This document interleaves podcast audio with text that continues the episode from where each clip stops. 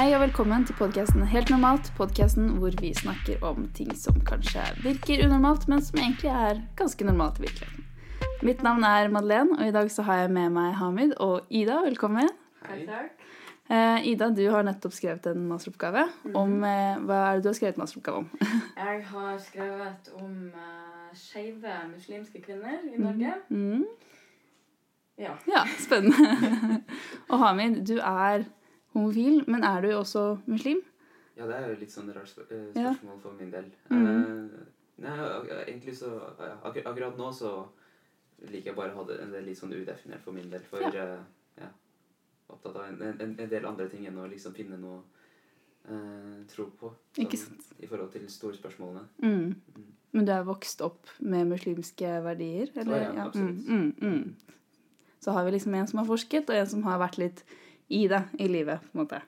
Mm, så dette blir spennende. Så temaet som dere kanskje skjønner i dag, er da eh, skeive eh, Hva skal jeg si? Skeive, ikke nødvendigvis muslimer, men skeive eh, Ja.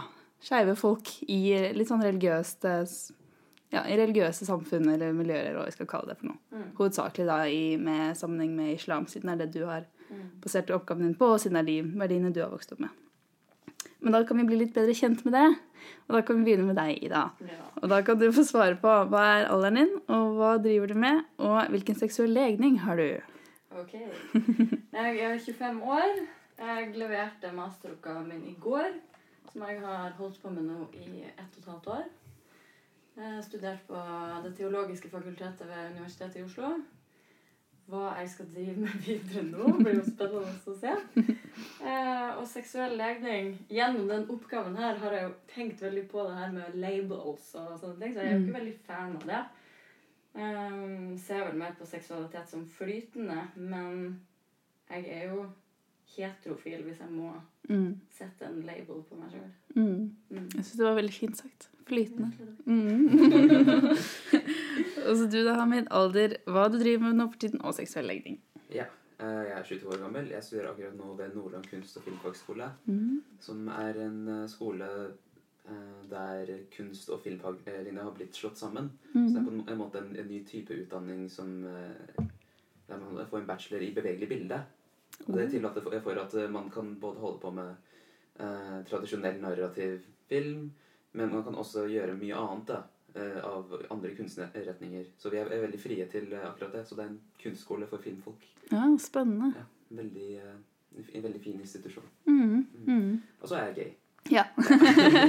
det sa jeg også innledningsvis, så jeg ødela egentlig litt eh, det spørsmålet for meg selv. Men eh, jeg tenkte vi kunne begynne med å høre litt om eh, masteroppgaven din i dag. Mm, Om du kan liksom fortelle hva det var du liksom Hva du har på en måte skrevet om og gått inn i som mer sånn Mm. tema, da. For det er jo et veldig stort tema. Mm. Jeg eh, ja, som sagt begynte på Det teologiske fakultet for to år siden. Og ble introdusert gjennom et fag som het Islam, Gender and Sexuality. Eh, der vi hadde en professor som hadde satt opp en ganske kul liste med det ting vi skulle lese. Og så leste jeg en artikkel om eh, en eh, lesbisk muslimsk kvinne som var in the closet i Skottland. Mm. Og tenkte bare Shit, det her, jeg har aldri tenkt på lesbiske muslimer før. Hvorfor har jeg ikke gjort det? Og ble egentlig litt sånn skamfull uh, over at jeg ikke hadde tenkt på det. For selvfølgelig kan muslimske kvinner være lesbiske. Uh, og da bare boom! Jeg leste alt jeg kunne finne om det temaet, men det var svært lite å finne om kvinner. Mm. Veldig mye om menn. Eh, muslimske homofile menn. Og da var vi bare i gang. Eh, men så var jo spørsmålet hvordan skal jeg gjøre det her? Jeg kan ikke bare skrive om lesbiske muslimske kvinner uten å ha hørt noen sine erfaringer. Um, så da begynte jeg å lete og lete og lete. Det tok meg åtte måneder gjennom masse ulike metoder jeg prøvde. Um, og til slutt så satt jeg gjennom med seks deltakere. Ja. Seks livshistorieintervjuer. Mm. For det var vanskelig å finne Ja. informanter. Jeg, eh, først publiserte jeg en notis i Fett, feministisk eh, tidsskrift. Um, fikk ikke noe gjennom det. Så tok jeg kontakt med FRI, største eh, organisasjonen, som ga meg egentlig litt hjelp med veien videre. Um, så intervjua jeg Amal Aden som en sånn interlocutor, hva man skal si da, en gatekeeper, Mm. som man kaller det da, for å se om kanskje hun kjente noen. Hun gjorde ikke det, men hun ga meg jo mye informasjon, verdifull informasjon om hvordan jeg kunne gå videre, og hvordan feltet så ut, Så, Mm. si sånn. Så kontakta jeg selvfølgelig Skeiv Verden, Mm. Mm. som har vært den viktigste organisasjonen for meg. Mm. uh, der er det ikke veldig mange kvinner, men veldig mange ålreite, hjelpsomme, godhjerta folk som bare hadde lyst til å hjelpe meg. Så um, gjennom da å bare snakke med folk om det, så har det bare gått sånn snowballing. Mm. Uh, hadde ett intervju, første intervjuet mitt i januar. Og så var det to måneder til med intens networking. liksom, med Hvordan skal jeg finne flere? Kunne ikke bare ha ett intervju. Da måtte jeg endre hele problemstillinga og alt mulig. Og så plutselig satt jeg med seks. Mm. Kunne fått flere. Plutselig var jeg inni det og kunne fått mange flere, men med tanke på tid og Ja. hvor limited en masteroppgave er Du kan Mm. maks skrive 100 sider. Mm. Da ville ikke alle fått den plassen de fortjener i teksten. Mm. Så ja, jeg har sett på Skal jeg bare fortsette å prate? Ja, bare fortsette å prate. Eh, jeg har sett på forholdet mellom religion og seksualitet. Hvordan eventuelt islam påvirker uttrykket for seksuell legning. eh, Og om eh, seksuell legning har påvirka troen på islam. Mm. Mm. Mm. Så det har vært veldig spennende. Ja, ja, hvordan de liksom, om de har sklidd mer vekk fra religion Mm. eller mer vekk fra seksualitet. Mm. Ja, ja, den balansen der, liksom. Ja. Mm. Du har hørt masse spennende historier, da. mm. Veldig mye. Mm. Hva var de største funnene? Kom du til noen konklusjon? på en Ja, måte? det, det som er på, um, viktig i denne oppgaven, da, å se på hvordan levd erfaring er veldig forskjellig fra person til person, og ikke generalisere deres opplevelse til én opplevelse. Altså at hvert, eh, hver av mine deltakere har sine opplevelser.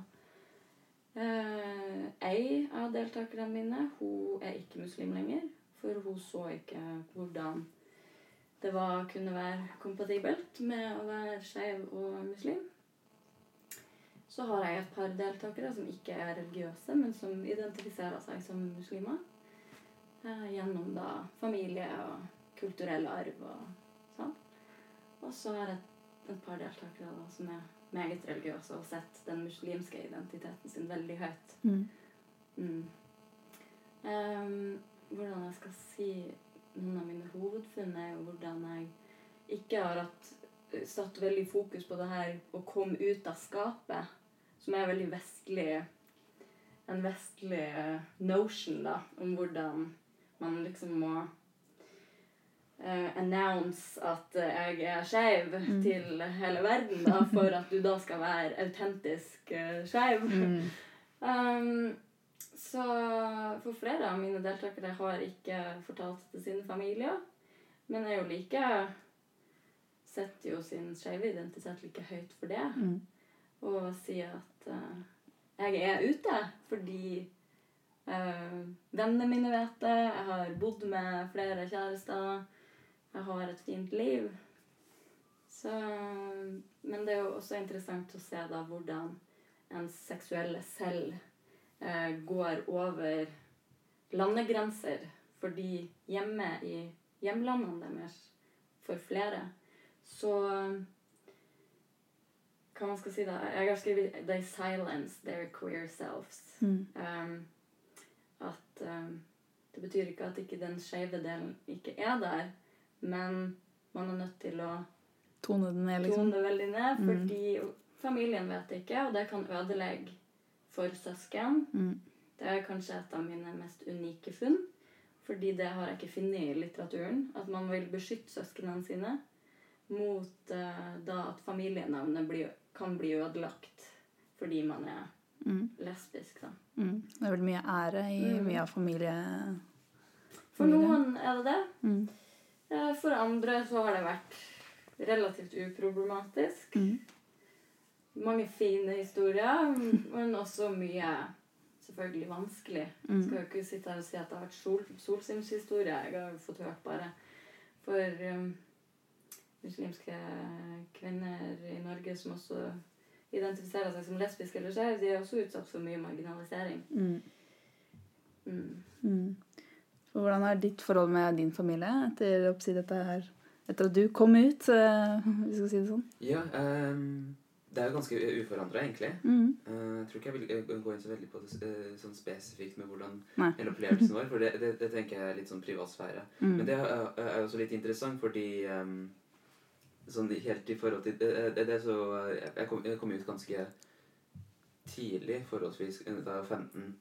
Ehm, og da, da ble jeg veldig sånn obs på at ok, nå, nå må jeg begynne å faktisk skape sånn sfærer på eh, Når jeg liksom snakker om det her med hvem jeg kan si, sånne ting til, og hvem andre jeg ikke, ikke kan si til. da. Så liksom Mm. å begynne å se ok, bo, uh, her kan jeg snakke og være liksom personlig, men det går en grense mellom å være personlig og liksom være privat. Mm.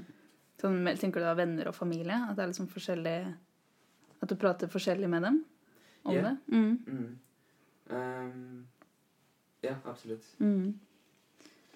Men eh, det har, vært en eh, ganske grei opplevelse for min del. Jeg ble, veldig lett, letta over at det har gått så fint som det har gått. Selv om det ikke er helt uproblematisk, så eh, er det, er det noe som eh, var mer positivt enn jeg hadde trodd. da. Ja, det jeg, jeg, jeg, det var jo en, en god stund hvor jeg var utrolig nervøs rundt og eh, som jeg, virkelig ikke var sunt mentalt. Ja, ikke sant. Eh, så eh, Derfor er jeg jo egentlig eh, eh, ganske takknemlig for at det skjedde så tidlig, egentlig. Mm. Mm. Mm.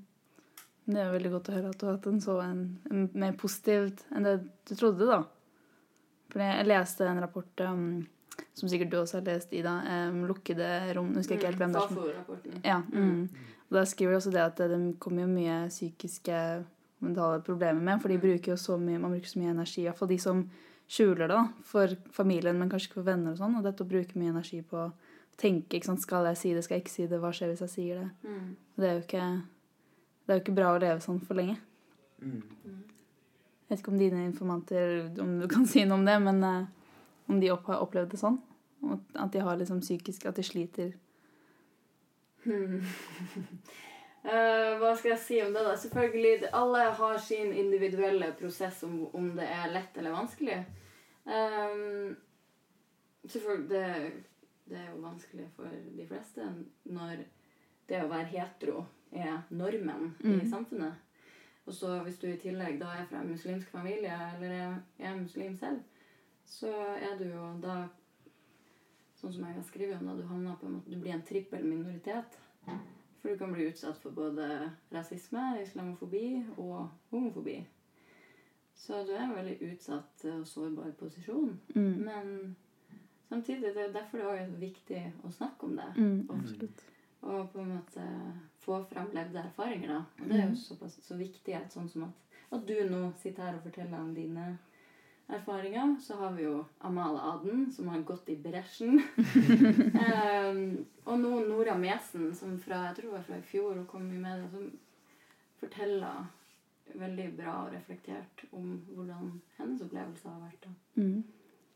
Som bare kan være mer med på å øke folks forståelse for det. Mm. Mm. Um, for én ting jeg kan si da, gjennom alle de folka jeg har snakka med, så er det så mange Det er en sånn rigid forståelse om at det er helt gjensidig utelukkende å være muslim og skeiv. Fordi at liksom islam har et kjempenegativt syn på homofile. Mm.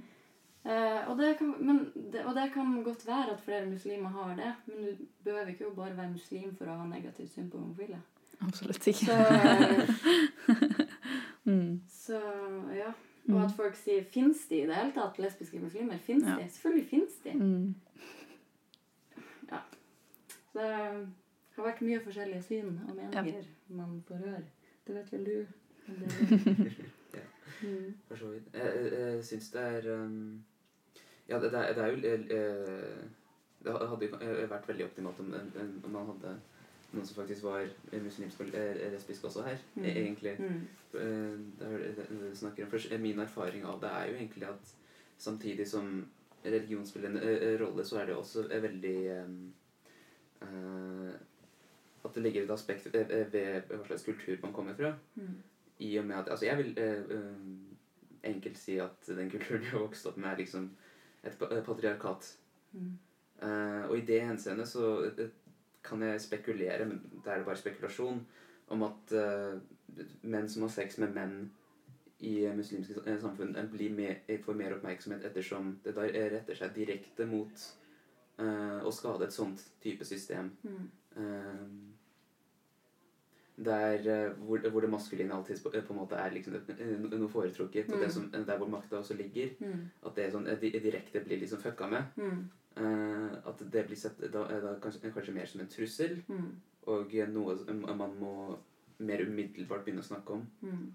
Eh, men det, det er bare eh, min mening, da. Jeg, kjenner- jo ikke Ja, ja. noen som er Mm. lesbisk og muslim. Men eh, det er mye fokus, i hvert fall ut fra det jeg har lest da, um, og fått hørt, så er det mye fokus på den her det kan, ja, Vi snakker jo Det skal jo ikke være tabu, det. Mm. Eh, den anale penetreringa. Det er liksom det som blir sett på som så å, fy, fy, fy. Mm. Eh, og så er det da eh, Når det kommer til eh, kvinner, der det ikke er den her penetreringa av en penis, Mm. så er kanskje det litt vanskeligere å se for seg da for mange. Derfor mangler det jo veldig mye i litteratur og forskning og sånn om lesbiske kvinner Mm. som er muslimer. Mm. Og der er det stor uenighet blant uh, islamske lærde om uh, female same-sex sexuality er lovlig eller ikke. Mm. Mm. For det er vel sexen det er mest snakk om. For liksom Ja. det å elske en av samme kjønn er liksom ikke noe galt med slik jeg på en måte har skjønt det. Eller jeg vet ikke. Jo, det er jo eh, altså Sånn som her i Vesten, da, så er det jo fokus på at det er identiteter. At vi har en seksuell identitet. Eh, og så er det mange som da kritiserer det i Østen. Der at Vesten har på en måte importert identiteter, seksuelle identiteter, som Mm. homoseksuell og lesbisk, der det egentlig ikke eksisterer. Mm. For der er, det kan jo være en sånn Jeg skriver litt sånn det Don't ask, don't tell. Har du hørt om det? Ja, ja.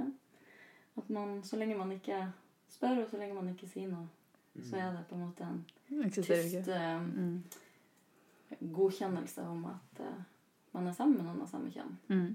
Og eh, apropos det, så er det jo også eh, visse etterlendinger av liksom en type kultur før Vesten har eh, på en måte kommet med egne inntrykk i, eh, i den østlige verden da, gjennom kolonialismen. Blant annet med at i eh, Pakistan i hvert fall, som, eh, fra egen opplevelse, så er det jo helt vanlig for eh, to voksne menn som er er venner å holde hender og gå, Mm. gå rundt på gata. Mm. Det er overhodet ikke tabu. Det er liksom Men man eh, omtaler også hverandre på en veldig kjærlig måte, da, som for eh, eh, vestlige folk kan, kanskje kan virke eh, ganske, veldig romantisk. Mm. Men hvor det er snakk om liksom broderskap og vennskap. Ja.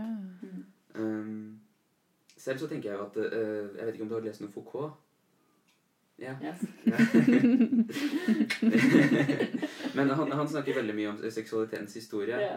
uh, og særlig i forhold til uh, psykoanalysen. da Mm. i forhold til at uh, psykoanalysen som har hjulpet på veldig mange måter, samtidig har også- også skapt, skapt avgrensninger. For da eh, kommer hele denne snakket om selvidentifikasjon. At man har en seksuell identitet, og eh, at man kan da labele seg selv. Mm. Og så liksom gi seg selv en diagnose.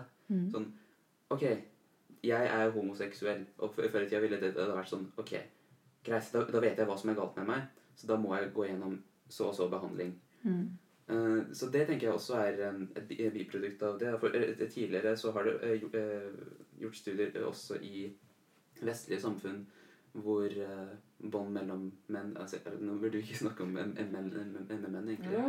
Men hvor, hvor det, det har vært mye mer kjærlig, da. Mm. Ja, for det skrev han jo også litt, han som skrev om Fafo, eller en av de i den Mm. Fafo-rapporten, at uh, der eksisterte på en måte de Altså, du hadde det heterofile forholdet med de to som var gift, Mm. og så var mm, kanskje både mannen og kona ute på siden og gjorde sitt. Mm. Men at det levde, det var liksom Det levde helt eh, uten komplikasjoner, da, fordi det var liksom på en måte Det var helt normalt. på en måte. Hva mente du nå? At det var et ektepar? Ja, Hvis det var noen som var gift, da, og mannen da jevnlig var med noen og Mm. hadde sex med en mann, da, så ble på en måte ikke det sett på som noe galt. Nei? Det var, det på en måte levde side om side uten noe problem, da, så, så vidt jeg skjønte det. Nå Mm. bare leser jeg gjennom den kjempefort Mm. før denne podcasten. Men, uh, Hvis jeg skjønte det riktig, da. Jeg vet ikke. Jeg har jo virkelig ingen anelse eller erfaring om oppsi dette miljøet, men Eller hvordan sånt fungerer. Nei, noen eh, har det jo sånn. Mm. Ehm, det, er sånn er det. det trenger jo ikke bare være lukka til muslimske forhold og samfunn heller. Nei, absolutt ikke. Eh, vi, det eksisterer nok eh, flere steder enn vi vet. Folk som har en annen seksuell legning enn de later som at de har. Fordi det er den måten de er i verden på og overlever på. Mm. Fordi det er mye stigma knytta til, knyttet til det i ulike miljøer. Forhåpentligvis så er det bedre nå. Jeg, jeg veit ikke. Uh, har du opplevd noe diskriminering eller noe sånt basert på din Uh, jeg Ja, for da, ja, Ja. for da tenker jeg litt på det du snakker om, det her med å være liksom en dobbel- eller trippelminoritet. Mm. For da jeg hørte det uttrykket, så jeg, jeg, jeg, jeg følte jeg meg veldig jeg, truffet av det på en, på en god måte. Med at det, det, der var det en, en eh, et, et uttrykk jeg kunne kjenne meg igjen med. Mm. Eh, for det er jo hele denne snakken om identitet, og særlig når man eh, er uh, andregenerasjonsinnvandrer, Mm. hvor man har vokst opp i et samfunn som, er, som egentlig gjennom mange default-systemer, som f.eks. at jeg har en helt annen hudfarge, Mm. eh, be- behandler deg egentlig annerledes. Mm. Og samtidig så eh, kommer du fra en kultur også som eh, ikke helt jeg, jeg, jeg, tar, jeg tar det selv imot. Eh, for jeg har jo vært veldig ofte i hjemlandet til, til foreldrene mine, men der, der er jeg jo også en fremmed, egentlig. Um, det eh, eh, går jo over også da til snakk, om seksualitet og rasediskriminering. Mm. Eh, personlig vil jeg si at jeg er mye mer utsatt for rasediskriminering. For det er mye mer umiddelbart. Mm. Eh, dessuten er det et, vil jeg påstå, en mye mer eh, faktisk uh, underliggende akkurat nå, i dag, eh, her i, i, No- i Norge, med bas, en basis for det, med veldig mye islamofobi Mm. Og diskriminering for alle innvandrere, egentlig. Mm. Nå som det annet er flyktningkrise og mange andre omstendigheter. Men generelt sett så er jo også Norge veldig i bresjen i forhold til frigjørelse av seksualitet, faktisk. Så på den kanten så har det jo vært ganske fint, Mm. for min del. Mm. Det har jo vært et og annet jeg har fått slengt på meg, men langt mindre og eh, mye mindre hyppigere Mm. enn eh, i forhold til hva slags utseende opprinnelse jeg har. Mm. Fordi folk kan se det på deg, ikke sant? at ikke du er liksom etnisk norsk. Nå tar jeg hermetegn med fingrene mine. Fordi det er en ekstern markør på deg som folk bare leser deg ut ifra. Du Kan ikke gjette at du er skeiv. Um, og da kommer folk med fordommene sine. Mm. mm. Ja, for det er som du sier, dette med noen dobbel eller dobbel eller trippel min, min, min, Minoritet. minoritet.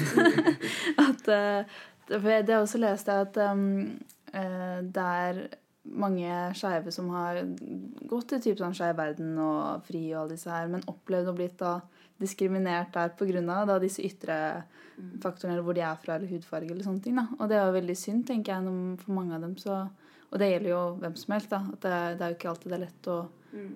å komme ut eller finne ut hvem man er. Og sånn, og hvis man da søker hjelp og blir møtt av da diskriminering, uansett Mm. om hva det skulle være, om det er liksom hudfarge eller funksjonshemning eller whatever, liksom, så tenker jeg at det er veldig synd. da, at ikke det er, Man skulle jo tro at det er et veldig sånn mangfoldig Mm. miljø der. Det er jo ikke gitt at folk som har Altså har man blitt utsatt for diskriminering sjøl, så betyr det ikke at man ikke diskriminerer andre også. Nei, nei. Og det er jo synd, det. Men Mm. um, ja, ut ifra sånn som den Fafo-rapporten du snakka om, så skriver de jo om hvordan hvithet på en måte er norm innenfor uh, uh, skeive samfunn. Mm. At det fokus, kan være mye fokus på alkohol, og at sånn som særlig da muslimer som, som uh, avstår fra alkohol, ikke blir en del av det her fellesskapet. Eh, på grunn av at kanskje det er alkohol som står i sentrum, da. Eh, noen av de kvinnene jeg har snakka med, har opplevd at de ikke blir sett på som autentiske skeive Mm. fordi de har en annen hudfarge. Mm. Og blir da lest som at kanskje du er her for å eksperimentere og sånne ting. Mm. Og da viser jo bare det at det eksisterer også diskriminering innenfor de samfunnene. Mm. De skjeve samfunnene. Så Ja, man kommer jo liksom aldri unna det, dessverre. Nei, Virker det sånn. Mm. Og hvorfor? Det er jo tusen svar på det.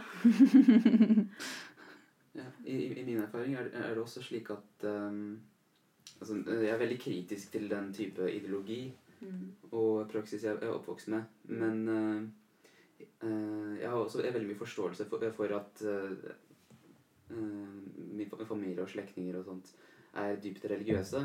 For det er veldig mange aspekter ved det. Det er litt, litt komplisert. Så jeg blir jo også Når jeg, jeg snakker med andre white people. Eh, om det, og det dukker opp i diskusjoner, og no, noen sier at ja, men eh, de er jo helt jernvaska. Og, da- da, tenker jeg sånn at ja, men da må du først begynne å definere hva, er hjernevask. Mm. Og det, det får det til å høres veldig reduktivt ut om den personen. Mm. Det, Veldig litt forståelse Så. ja, det, ja, det hjelper egentlig ikke. Mm. Det blir mer fornærmelse mer enn noe annet. Mm. Um, så det, det tar jeg og Når noen sier det om noen andre, da, da tar jeg også litt uh, fornærmelse av det. Mm. Enten fordi jeg kjenner vedkommende, eller fordi jeg, jeg vet hva slags type eh, omstendigheter som er der da, for at man eh, er såpass religiøs. Mm. Eh, til tross for at jeg ikke er enig om, å, om med, med den personen, så er, er det likevel det med at det er min erfaringsmessighet også, da. Mm. Og at den personen er eh, likevel veldig menneskelig og er nokså kompleks. Og at man ikke kan avskrive det på så enkle termer, egentlig. Mm. Men å ha respekt for andre sin tro. Mm. Mm. Eh, men som vi nevnte litt i stad, så du eh, opptrådte på Ålen Vara, Norske Teater, nei, ja, Norske Teater, eh, på en forestilling som heter Fuck My Life, hvor du og var det fire-fem andre? Vi var vel ti til sammen. Ja, var ti til sammen, ja. ja. Hvor dere fortalte om livene deres på en scene foran masse mennesker. Masse ungdommer. Ja. Det var en veldig, veldig bra forestilling, um, syns jeg, da. Takk. Fikk du opp For der snakker du med en annen eh, måte skuespiller, da, som også som var mye Som var veldig sterk i sin tro, Mm. hvis jeg husker riktig. Yeah. Eh, eller tar jeg helt feil nå? Eh, For dere hadde jo en litt sånn samtale på scenen om de samtalene som dere hadde hatt bak. mm. Jeg har, han er troende, altså. Ja. Ja. Mm. Det. Ja, at eh, hvordan det var litt sånn overraskende for han da, å møte deg som på en måte da var litt av begge deler, på en måte, eller var både troende og homofil. Det, det jeg egentlig lurer på, eh, ble du møtt av noe på en måte, motstand eller diskriminering når du sto da på denne scenen og holdt på med dette her i et helt år? For dere holdt jo på lenge med den forestillingen. Ja. Mm.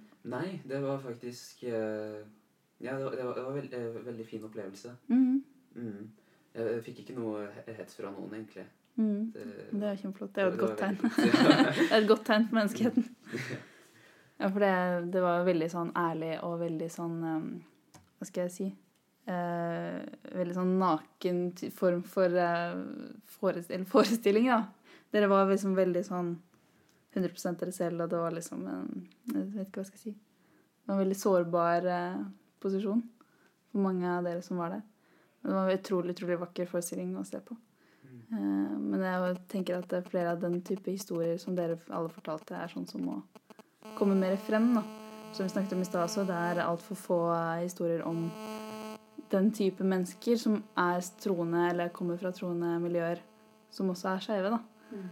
Det finnes ikke Altså, det er særlig Jeg vet ikke om det er særlig med islam, jeg, men det er vel de som har vært mest i media akkurat der.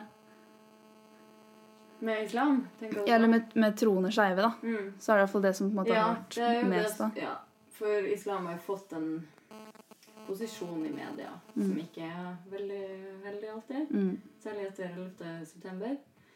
Um, men um, det er veldig mange Hva skal jeg si da? Jeg måtte jo skrive et kapittel om previous research. Og da er det jo ikke bare akademia som Mm. er viktig uh, å ha med. For det er jo ikke alle som leser de tekstene der. Eh, så jeg prøvde å lete etter ting som er mer allment eh, accessible, da. Mm. Og du har jo noen dokumentarer som er veldig gode. Uh, og så er det særlig et, um, et fotoprosjekt som jeg fant som het Just Me and Allah. Av ei som heter Samra Habib. Uh, det har vært en utstilling her i Oslo i fjor Mm. der hun stiller ut bilder. Hun tar uh, portretter av eh, folk, mennesker som identifiserer seg som muslim, og skeiv eller altså LHBTQ-personer. Eh, der de også forteller sine historier. Og da får du et ansikt på det. Det tror jeg er litt annerledes enn om du kun leser akademiske tekster, da, eksempel. Mm. Um, så det er veldig kule prosjekter som kan uh, være med på å bidra i å synliggjøre Mm. at det faktisk eksisterer. Mm. Og ikke minst normalisere det, tenker Mm. jeg. For det er jo kanskje grunnen til at mange også er redde for å komme ut da, for at de tenker at de, det er noe gærent med dem, og det er ingen Mm. andre som er som dem. Mm. Men så er det jo veldig mange som er som dem. Mm. For det er jo ikke unormalt i det hele tatt. Mm. Det er jo nettopp det. Det er jo helt normalt. Mm. Ikke sant? Så mm. Men å være skjevmuslim, skeiv eh, det viser jo det masse eh, ulike organisasjoner rundt omkring i verden som har fokus kun på muslimske skeive personer. Mm. Som jeg tror er viktig fordi de deler en tro eh, som både skaper altså, Kan ha skapt vansker, men også har gjort det lettere. Eh, og når man deler det, så kan det være et viktig rom å møtes i hvis man har den til felles, da. Mm. Eh, nå har de jo åpna en all inclusive moské i København. Mm. Eh, for da kvinner og lesbiske, homofile, bifile, transpersoner som der man kan be i samme rom. Og det var jo en i Skeiv verden nå for ikke så lenge siden som foreslo at vi burde få det her i Norge også.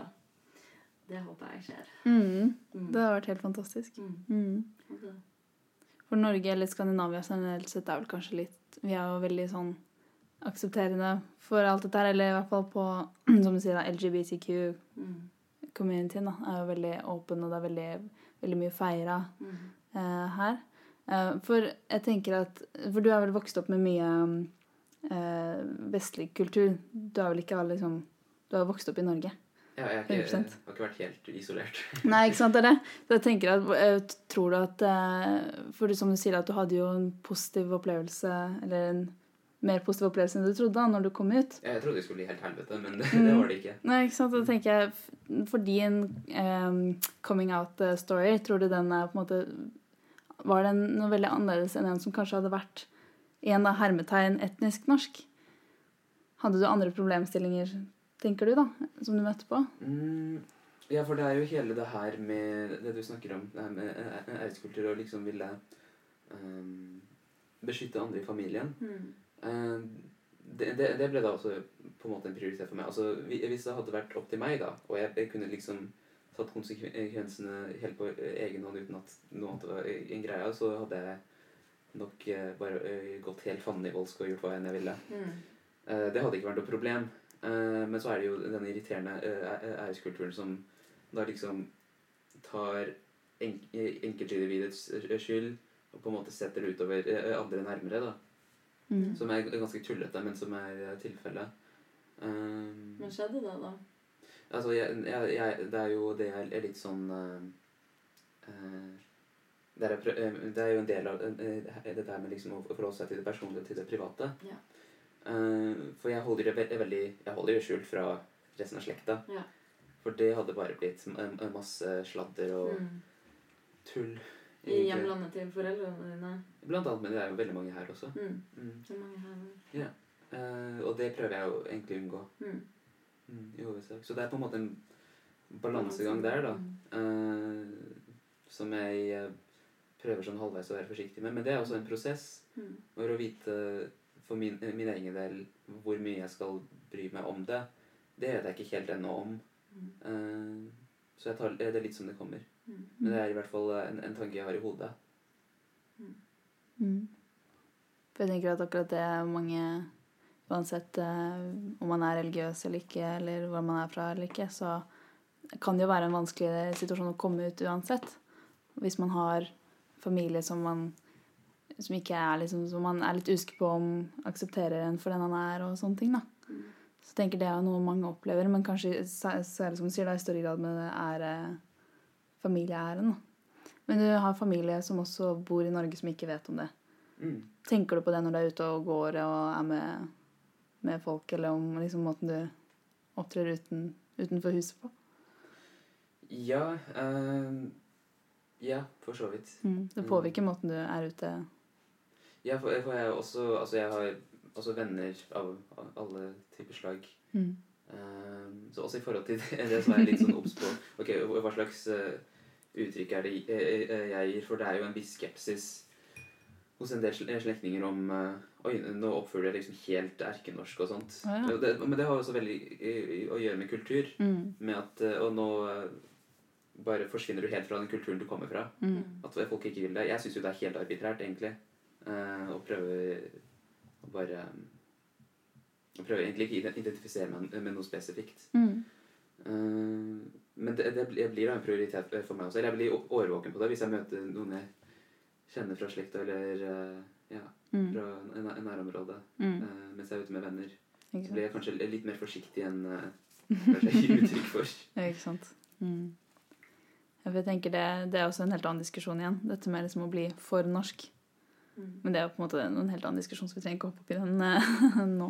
Men så det liksom Det er jo sånn vi alle har det. Vi har ulike deler av oss sjøl som vi uttrykker i ulike kontekster. Eh, sånn som nå er det viktig for deg at du er homofil, du snakker om det her. Mens i andre settinger så har ikke den identiteten noe å si akkurat der og da. Hvis du skjønner hva jeg mener. Mm.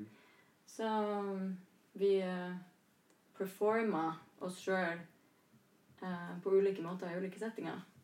Og det gjør vi jo om vi er heterofile eller ikke òg. Mm. Så ja. Nå datt jeg litt ut der, men det, det er mye av det jeg kan skrive om. Så det det er veldig interessant, da. Mm. Hva slags identitet vi, vi eh, på en måte place forward i ulike settinger, og hva det Mm. betyr der og da. Mm. Mm. Dessuten syns jeg eh, Ja, eh, jeg liker måten du sier det på, for det antyder også eh, hvor normalt det er også. Mm. Um, for slik jeg tenker at media farger hele denne opplevelsen av å på en måte leve et dobbeltliv, da, Mm. som man velger å si det som, Mm. eh, det sensasjonaliserer det veldig. I forhold til at eh, å, man er en person på dagtid og en annen på kveldstid, og det er liksom en tung byrde å bære. Mm. Men eh, det er jo egentlig ganske normalt, egentlig. Eh, det er jo en av flere roller, som f.eks. i den situasjonen, som du sier. Mm. Um, så jeg, jeg går ikke rundt og tenker på det konstant, egentlig. Det, det, er, det går, ganske normalt for seg i hjernen. Det er, det er en en prosess som alt annet man tar i hverdagen. Mm. Mm. Man tilpasser seg alltid omgivelsene sine. Det er jo både sosialt og kulturelt. Det ligger Mm. vel litt sånn i oss Mm. fra før av. Mm. Jeg tenkte vi skulle gå litt tilbake til en ting som vi snakket om før vi begynte å spille inn. Mm. Dette med hva Koranen sier Mhm. om skeive. Mm. For du hadde et sitat eh, Ja, på det i oppgaven din. jeg med meg eh, Jeg har ikke den som er om historien om Lot, men ut ifra det jeg har lært, da, så er det historien om profeten Lot i Koranen som er med på å på en måte legitimere uh, at det ikke er lov innenfor islam å være homofil. Mm. Um, ja Den skulle jeg jo kanskje ha lest opp her. Du kunne jo google den, da. Men uh, når det kommer til uh, kvinnelig eh, same-sex sexuality Beklager blandinga av norsk og engelsk til de som hører på. Men jeg kan jo lese den om kvinnene, hvis du vil. For jeg har et par eh, eh, muslimske scholars da, uh, som har skrevet om at det bare er én del i Koranen som er tatt uh, som at det er uh, ulovlig, da, eh, å ha Hva man skal si lesbisk behavior. Altså mm, Som er brukt til å sensurere lesbisk eh, atferd. Og den går som følgende As for those of your women who are guilty of lewdness, call to witness four of you against them, and if they testify to the truth of the allegation, then confine them to the houses until death takes them, or until Allah appoints them away through new legislation, and for the two of you who are guilty thereof, punish them both. And if they repent and improve, then let them be. Men eh, Lewdness. mm. Guilty of lewdness. Hva er det for noe? Og da er det flere da som kritiserer det her med at det ikke er noe konsensus til om Koranen engang nevner eh, female same-sex sexuality. For blir jo faktisk ikke nevnt. Um, jeg vet ikke hvor legitimt det er at jeg sitter og leser der. Men uh, vil du at vi skulle se på Hvis det er den som er riktig, jeg vet ikke. Ja, men det var i hvert fall eh, Altså, det er jo historien fra, også fra Bibelen om Sodom og Gomorra, Mm. der uh, det kommer engler på besøk til profeten Lot. Uh, der eh, i denne byen så finner det sted mye umoralske handlinger, eh, som da har blitt tolka som at det er eh, homoseksualitet. Eh, sex mellom menn. Eh, men som flere andre da tolker til å handle om at det er voldtekt som skjer, og umoralske handlinger og eh, tyveri og slike ting. Mm. Eh, så det er jo ikke en bred enighet om hva denne historien faktisk sier. Men det er jo også den tolkningsfriheten man har som troende, da. Mm. Kan man velge at hva Ja. Nei, det, det, det jeg er oppvokst med, er jo at uh, man skal tro de uh, lærde og at uh, den vanlige praktiserende muslim egentlig ikke har større autoritet overfor, fortolkningskraft. overfor tolkningskraft, egentlig. Nei. Så det er, eh, der er det et hierarki. Mm. Der er det du vet ikke bedre enn f.eks. imamen i moskeen. Mm. For den imamen er lærd, han har studert eh, med dette materialet, Mm. eh, og der er han av høyere status til å fortolke teksten. Mm. Uh, det er min kultur, i hvert fall. Mm. Så det står ikke helt fritt til å på en måte tolke det som dere selv vil, som individer? på en måte? Mm. Ok. Og der er det òg veldig stor Ja, ikke sant? Men uh, i de, eh, de eh, som har gjort de største studiene, som jeg har lest fall, i, eh, om homoseksualitet og islam Vi har særlig en som heter Scott Kugel, er amerikaner, og han er muslim. eh, Og homofil. eh, Som har på en måte fortolka Koranen, særlig denne historien om Lot, eh, gjennom et queer-friendly perspektiv. da. Og det er det veldig mange av de her queer-organisasjonene rundt omkring i verden som også bruker for å da kunne på en måte reconcile faith and sexuality. At, eh, fordi man tilhører den troen her og vil at seksualiteten sin skal passe sammen med det. Mm. Og da funker det for Mm. mange. Det er veldig fint. Mm. Det er kjempefint. For særlig, særlig religion eller tekst generelt sett det er jo på en måte eh, opp til tolkning. På det, både på det ene og det andre. Om man får lov til å tolke eller ikke. Det er liksom, man gjør det jo litt Litt sånn som du sa i stad, det er veldig flytende. Eller du ser det på litt sånn som på flytende, og det tenker jeg er mye mer befriende enn å måtte forholde seg til liksom at Mm. sånn er det. Det er en person som sier at sånn er det, og så må man følge det. Man kan på en måte Men da har man, da er vår tol tolkning. Ja, ikke sant? Og har man en Mm. bokstavtro tro til eh, Koranen eller Bibelen Mm. eller den religiøse tilhørigheten man har, så er det klart at hvis du har den her sterke troen og leste at historien blott ikke tillater homofili eller lesbisk identitet eller hva det måtte være, så er det klart at det må være vanskelig å finne en godkjennelse for seg sjøl, mm. Men eh, samtidig å være åpne for at folk skal få lov til å leve den de er, og den de vil. Mm. Jeg har selvfølgelig håpet at alle Ja, vi har en perfekt verden. Ja, det er det. I Men en det perfekt er det jo bare viktig at vi prater om det sånn som vi gjør nå. Ja, ikke sant. Mm. For det er viktig å få det ut, da.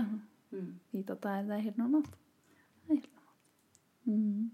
Nå har ikke jeg noe særlig mer spørsmål til dere, egentlig. Hvis dere har noen temaer dere har lyst til å ta opp selv, som dere føler at dere brenner inne med, eller som dere Mm. Ja, det var en eh, digresjon jeg kom på litt tidligere, som Mm. jeg kan godt nevne. For det var i forhold til eh, også det her med hva slags kultur man er oppvokst i, og hva slags kjønnsrolle som spiller, spiller en rolle. Uh, der, der hadde jeg to ting. Den e, det ene er vel kanskje at det er jo også hele denne uh, mi, uh, feiltroen om at kvinner egentlig ikke i, i, i lang tid i historien at kvinner egentlig ikke ha- hadde, har noen seksuell lyst sjøl, eller kan oppnå seksuell tilfredsstillelse. Mm. Så kanskje det også kunne være et symptom for at lesbisk samkvem ikke er noe som egentlig ble, ble eller blir fremdeles Mm. tatt opp, da. Ja, mannlig seksualitet er jo sett på som veldig sånn aktiv seksualitet. Mens den kvinnelige seksualiteten er jo mer sett på som passiv. Mm. Så Ja, her er det mye.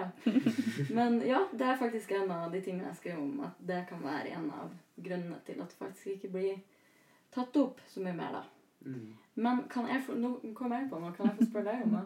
Ja, ja. Tror du det er Hvordan tror Hvorfor Nei, hvordan skal jeg formulere meg, da? Eh, å være homofil muslimsk mann kontra å være muslimsk lesbisk kvinne. Tror du det ligger noen forskjeller her? Absolutt. Um, jeg jeg skulle gjerne, gjerne kjent noen som eh, var eh, lesbisk muslim, men eh, da kan jeg snakke om uh, bare hele familiedynamikken i forhold til uh, menn og kvinner. da. Mm. Hvor det er jo slik at jeg, jeg, kom, jeg får gjøre mye mer Mm. som mann enn uh, en kvinne i familien. Og de har et mye større ansvar i, gjennom oppveksten, men også som voksen, i forhold til å slik jeg tolker det, egentlig være en ganske ansvarlig voksen person. Kanskje fault, for de, de får veldig mye ansvar på seg eh, som menn ikke, eh, ikke kunne ha. da. Og da er det snakk om dyrighet, f.eks., og å ta seg hjemme, Mm. og generelt eh, opp, opp, opprettholde seg både utseendemessig, men også sosialt, Mm. på en måte som er mye smidigere enn mange menn jeg kjenner. Mm. Og de, de kommer eh, gjerne godt, ut av å være litt bryske iblant, eller si feil ting. Mm. Men som kvinne så blir man mye mer eh, fordømt for det. Mm. Og det, det setter lange spor i sosiale sammenhenger. Mm. Det er jo en, en stor urettferdighet. Mm. Um, Men, så, så jeg, kan, jeg kan forestille meg at det er, er veldig hardt i forhold til det, for man har et så stort Altså det, eh, det navnet man har eh, gjennom det skjønnet betyr utrolig mye. Mm. Så hvis en, en, en slik form for um, uh, identitet befester seg, da. Kan jeg tenke det blir veldig vanskelig. Eh, Fordi man er kvinne. Ja, Mm. at, og det, det blir uh, snakket mye mer om, egentlig. Det blir snakka mye mer om. Ja, eller det, eh, ja, det blir eh, Altså, jeg kan, jeg kan eh, og mange andre jeg kjenner, kan, eh, eh, menn, Mm. kan komme seg bort med veldig mye uten at det egentlig snakkes om. Mm. Kanskje man, man fordømmer det, men Mm. eh, det går over. Ja, Enhver ting kvinner jeg- kjenner eh, som har kommet fram, da, som blir tenkt på som skamfullt, Mm. det varer i mye større grad. Og lengre tid. Mm. Men det, du tok opp dydighet. Altså at man skal avstå fra sex frem til ekteskapet. Mm. Eh, gjelder ikke det for menn også? Eh, I den uh, norsk-muslimske kulturen her, da, hvor det er en slags sånn spenning der, Mm. så tenker jeg ikke det uh, gjelder i like stor grad for menn. Det er litt sånn Det skulle du ikke gjort. Mm. Men gutter er gutter. Gutter er liksom uh, aktive folk som bare har denne trangen til å ligge med Mm. hva enn som beveger seg. Mm. Så det kan man ikke bebreide en for. Mm. Mens med kvinner så er jo hele formålet med at nå skal vi oppdra denne kvinnen fram til ekteskapet, og så skal altså da er det Har hun gått fra én familie til en annen. Mm. Mm. Det er jo uh, um, utrolig reduktivt for, for det individet å bli behandlet på den måten som gods Mm. som skal bare overføres. Mm. Og, og da, eh, når dydigheten først eh, eh, liksom blir utsatt for noe før ekteskapet, så er, det jo det helt krise, Mm. egentlig. Snakka du om noe fra din kultur? Mm. Jeg, jeg kan jo bare snakke fra Mm, min ja, ja, ja. Ja, bare mm. Det menn sånn som nå i den uh, norske konteksten, da. Føler du ikke at uh, Eller føler Jeg kan spørre deg. Føler du at du beveger deg friere her til å kunne gjøre det du vil, uten at du blir på en måte overvåka av, av noen som kanskje ikke syns det er greit at du er homofil? Mm. Jeg, blir, over- jeg, jeg vil absolutt si jeg blir overvåka i mye mindre grad enn kvinner jeg kjenner. Ja, ok. For, for eh, jeg har jo mange kvinner med samme bakgrunn som venninner. Mm. Og eh, ofte, ofte så snakker vi eh, om, om det, da, og de deler gjerne deres erfaringer. Mm. Veldig ofte om den selvsensuren de må holde på i hverdagen deres. Mm. Det, det, det har jeg gjennomgående heller fått inntrykk av mye mer alvorlig da, enn for min del. Mm.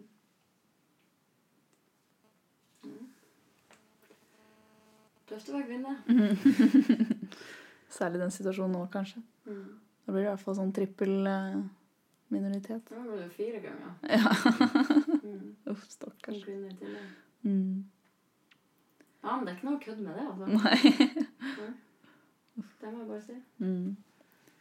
Så bare for å Altså Bare den prosessen av å finne kvinner som var villige til å snakke med meg Mm. om sine livshistorier, har jo vært eh, litt vel ambisiøst eh, å gjøre, da. Jeg er jo verken muslim eller skeiv og hvit. Man blir veldig eh, klar over sin egen posisjonalitet. Og om at eh, Ja, det har litt å si, da. Så hele tida viktig for meg at det var deltakerne mine som hadde makta her. Det var ikke meg som Mm. hvit kvinne. um, men seks stykker.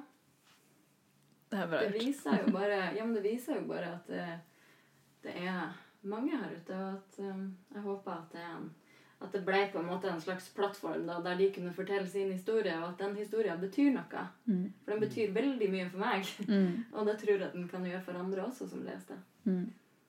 Mm. Jeg gleder meg veldig til å lese oppgaven din. Kjenner Ah, Samme her. Mm. Du er vel helt i ekstase Eller du er ikke helt i ekstase av å ha levert? Nei. Men det, det, er en stund, det er sånn fem uker til jeg må opp i muntlig og forsvare. Ja, ikke sånn. sant. Mm. Får du karakter før det? Da, ja. Ja. Da. Mm. Da. Under. Ja. Du er ikke helt over. Nei. Jeg skjønner. Men samme det. Det er produsert en eh, Altså Det står på arket her, og jeg er så glad i de jentene som har snakka til meg, Mm. at eh, det er det kuleste jeg har gjort. Ja. Mm. Du har på en måte. Ja, ikke sant. Du har på en måte virkelig fått noe igjen for det, selv om du ikke har fått noen karakter ennå, så har du virkelig fått noe igjen for det. Du Ja, har ja. gitt dem en plattform. Det er. Og nå sitter jeg jo her med dere. Mm. ikke sant? Ja. Ja, så dette blir kjempegøy. Mm. Men uh, da sier jeg bare, hvis ikke noen av dere har noen siste ord til uh, offentligheten der ute Nei, at levd erfaring er viktig. Mm. At det er viktig å høre på stemmene til folk. Særlig de som er i minoriteter. Trippel eller frippel, eller hva jeg skal si. Det er dritviktig. Det er jeg veldig enig i. Mm. Mm. Særlig ettersom det går på flere nivåer. Hvis vi snakker om doble, triple eller fire doble min- minoriteter, så er det flere lag det er snakk om. da. Og da er det mye kompleksiteter som dukker opp fordi det er mye motstående Mm. gjennom de lagene. da. Mm. Å liksom ha en annen hudfarge og Mm. ha en annen seksualitet og være av et visst skjønn. Mm. Eh, de korrelerer veldig ofte. Og da, da er det mye unike historier som også dukker opp. Mm. Mm. Boom. Boom. Men med den boomen der, så sier jeg takk for oss, og tusen takk for at dere ville være med på den podkasten. Det var kjempehyggelig. Mm. Og jeg har lært masse, for jeg kan så altfor lite om dette temaet. Så det er kjempebra at jeg og alle dere der ute som også hører på, forhåpentligvis har lært masse. Mm, tusen takk.